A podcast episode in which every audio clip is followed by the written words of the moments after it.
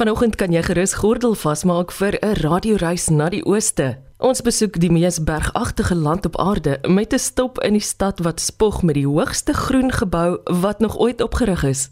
Dit neem my slegs 8 ure om met 'n motor om die besonderse bestemming te ry. Maar dis vir al hulle landboupraktyke wat ek graag wou ondersoek. Assistent direkteur innovasie, tegnologie ontwerp en oordrag by die departement van Landbou Wes-Kaap, Ari van Ravenswaai, is pas terug van 'n feitesending na Taiwan en vanoggend kry ons ook 'n proesel van Taipei se kultuur.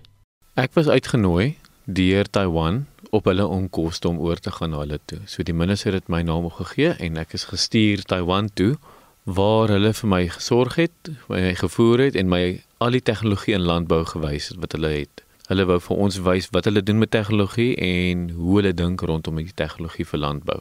So eerstens Taiwan is baie kleiner as wat mense verwag. Gaan vat asseblief die aardbol en gaan kyk hoe klein is Taiwan in vergelyking met 'n land soos Japan en hoe klein is hulle veral teen China. So dit is onvergelykbaar klein. En jy kan dit regtig nie vergelyk met wat ons hier in die Wes-Kaap doen met landbou nie. So hulle werk met baie minder grond, moet hulle baie meer kan moet hulle baie meer effektief mee werk. Hulle werk met baie met groenhuistegnologie en met ander tipes tegnologie gepaard daarmee. So hulle gronde is baie kleiner as ons in. Hulle praat van 'n 1.1 hektaar gemiddeld. Waar as ons kyk na ons gronde is dit baie aansienlik groter. Maar waar ons een siklus se jaar het, miskien met ons plantseisoen, het hulle 3 jaar. So hulle produseer aansienlik meer op dieselfde stuk grond. Hulle het baie tonnels groenhuistegnologie wat hulle mee ontwikkel het. Hulle strukture is baie sterker. Hulle moet tyfoons en aardbewings kan weerstaan ook.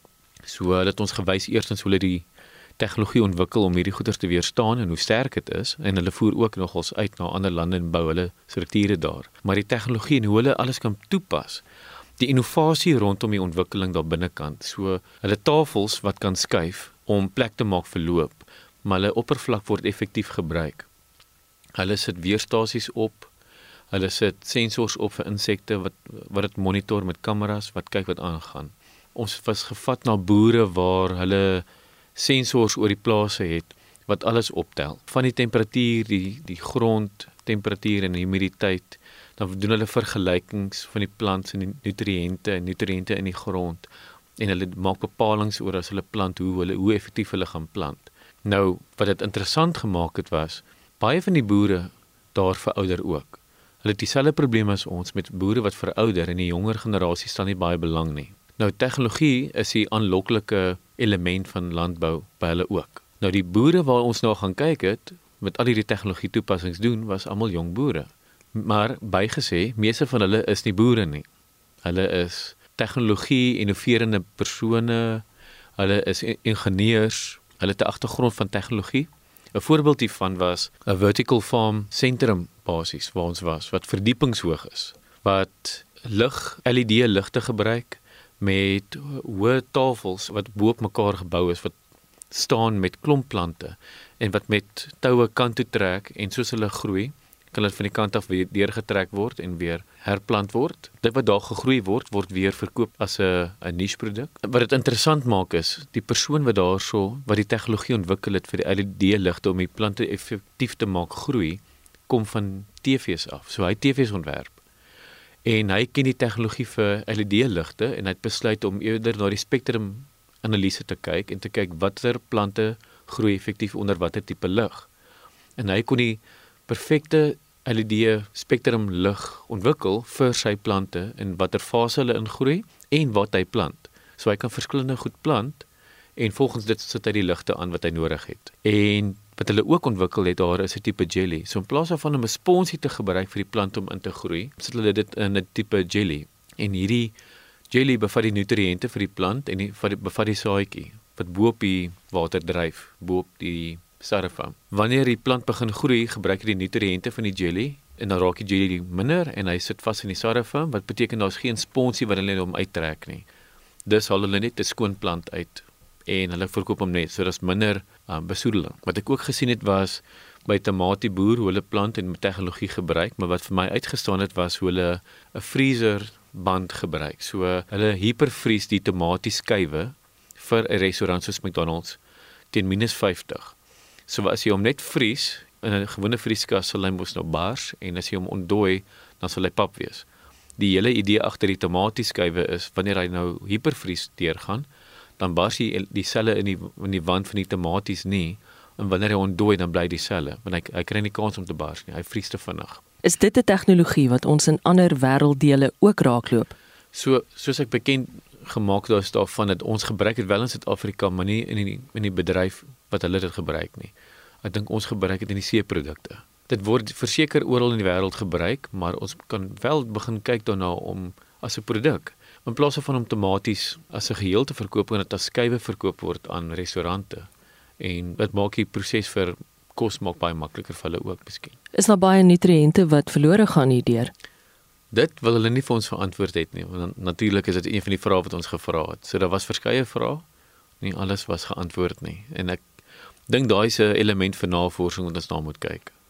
As jy verwys na seeprodukte, sluit dit dan seekos in. Is dit wat jy bedoel?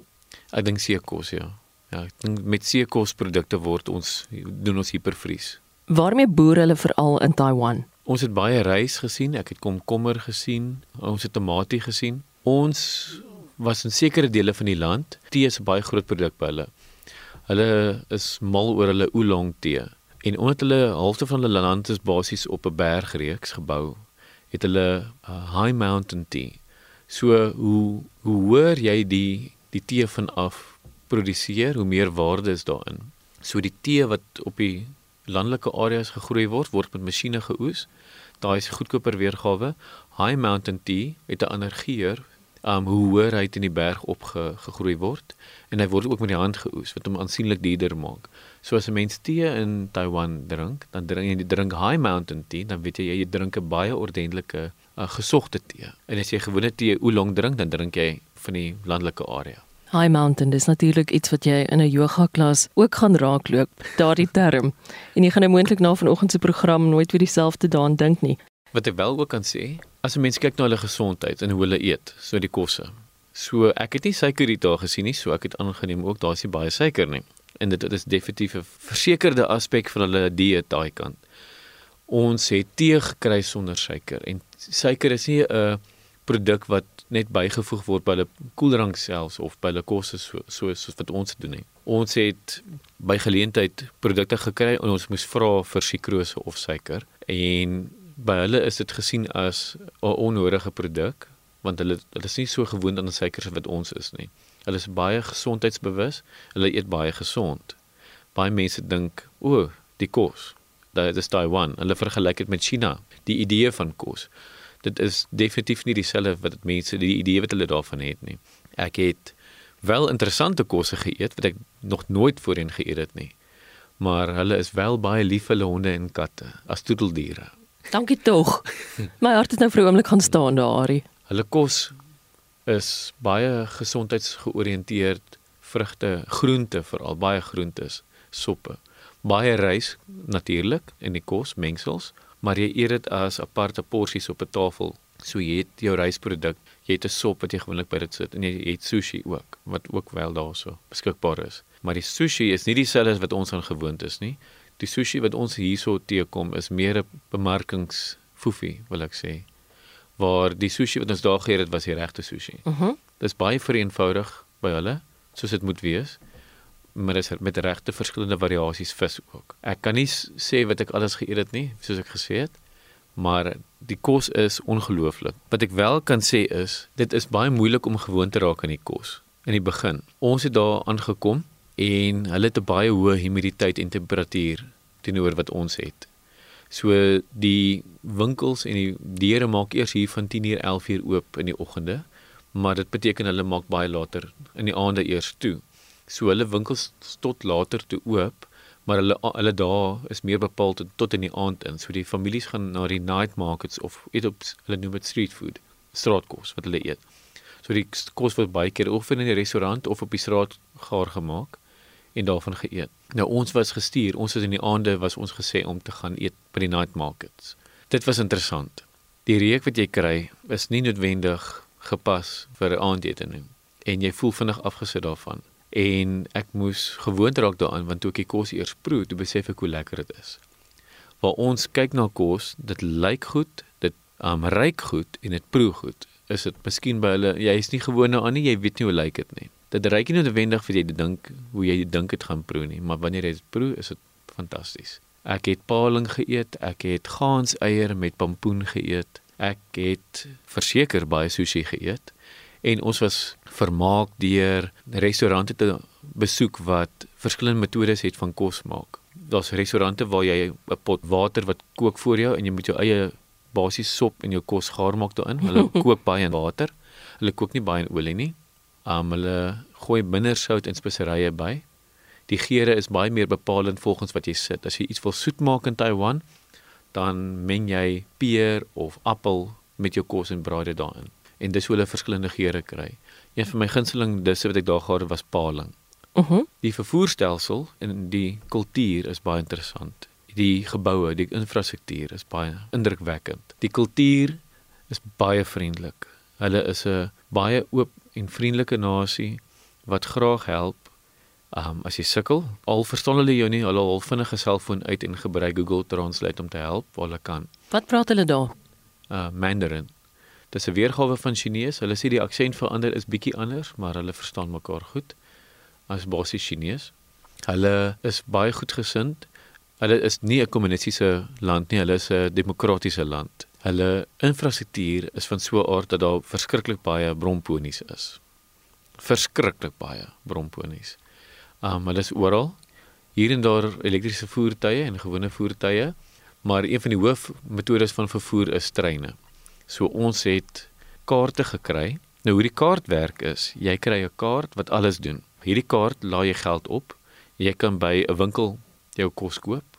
Jy kan hom gebruik om mee op die bus te ry of op die treine. Jy tap hom net en dan gebruik jy hom soos weet jy wil. So dis 'n baie gemakliker manier. Dis nie 'n bankkaart nie, dis 'n kaart wat net in Taiwan gebruik word. So hierdie kaart, ons het 'n kaart gebruik om op die treine rond te ry en dit was bitter maklik om deur die hele Taiwan in Taipei te beweeg.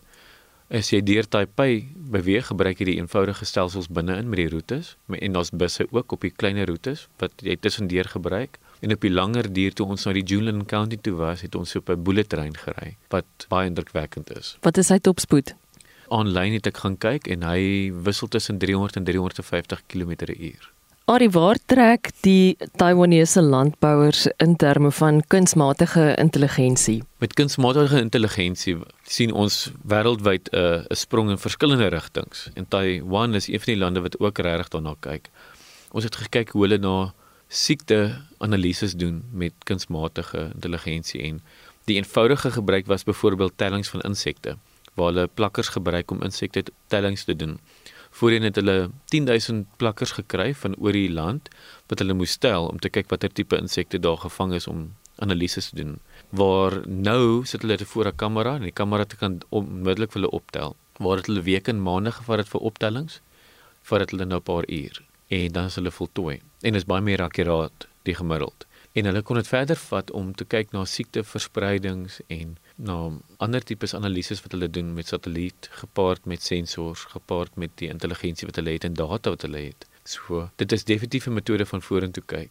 En ons kan sien hoe ons dalk in die toekoms gaan 'n hulpmiddel hê waar ons 'n hulpmiddel het nou soos ChatGPT wat ons help skryf, gaan ons dalk in die toekoms hê 'n middel vir 'n boer wat vir jou jou data gee. Nie die gemiddelde data nie en hy kan leer van jou data sodat hy vir jou kan help om te besluit wat jy volgende moet doen. Dis die metode van vorentoe kyk. Voorheen was 'n rekenaar gesien as 'n middel om die gemiddelde mens te help. Waar AI dit nou jou in staat stel om jou as 'n persoon direk met spesifieke data in in 'n manier van boersels te kan help. Assistent direkteur innovasie tegnologie ontwerp en oordrag by die departement van landbou Weskaap Ari van Ravenswaai. Die vraag na Suid-Afrikaanse landboutegnoloë in byna elke uithoek van die aarde is veelzeggend. Ons is kenniskampioene, waardig van wêreldbekers en om daaroor verslag te doen laat my verwonderd. Dankie dat jy saamgekuier het vanoggend. Ek is Eloise Pretorius. Totsiens.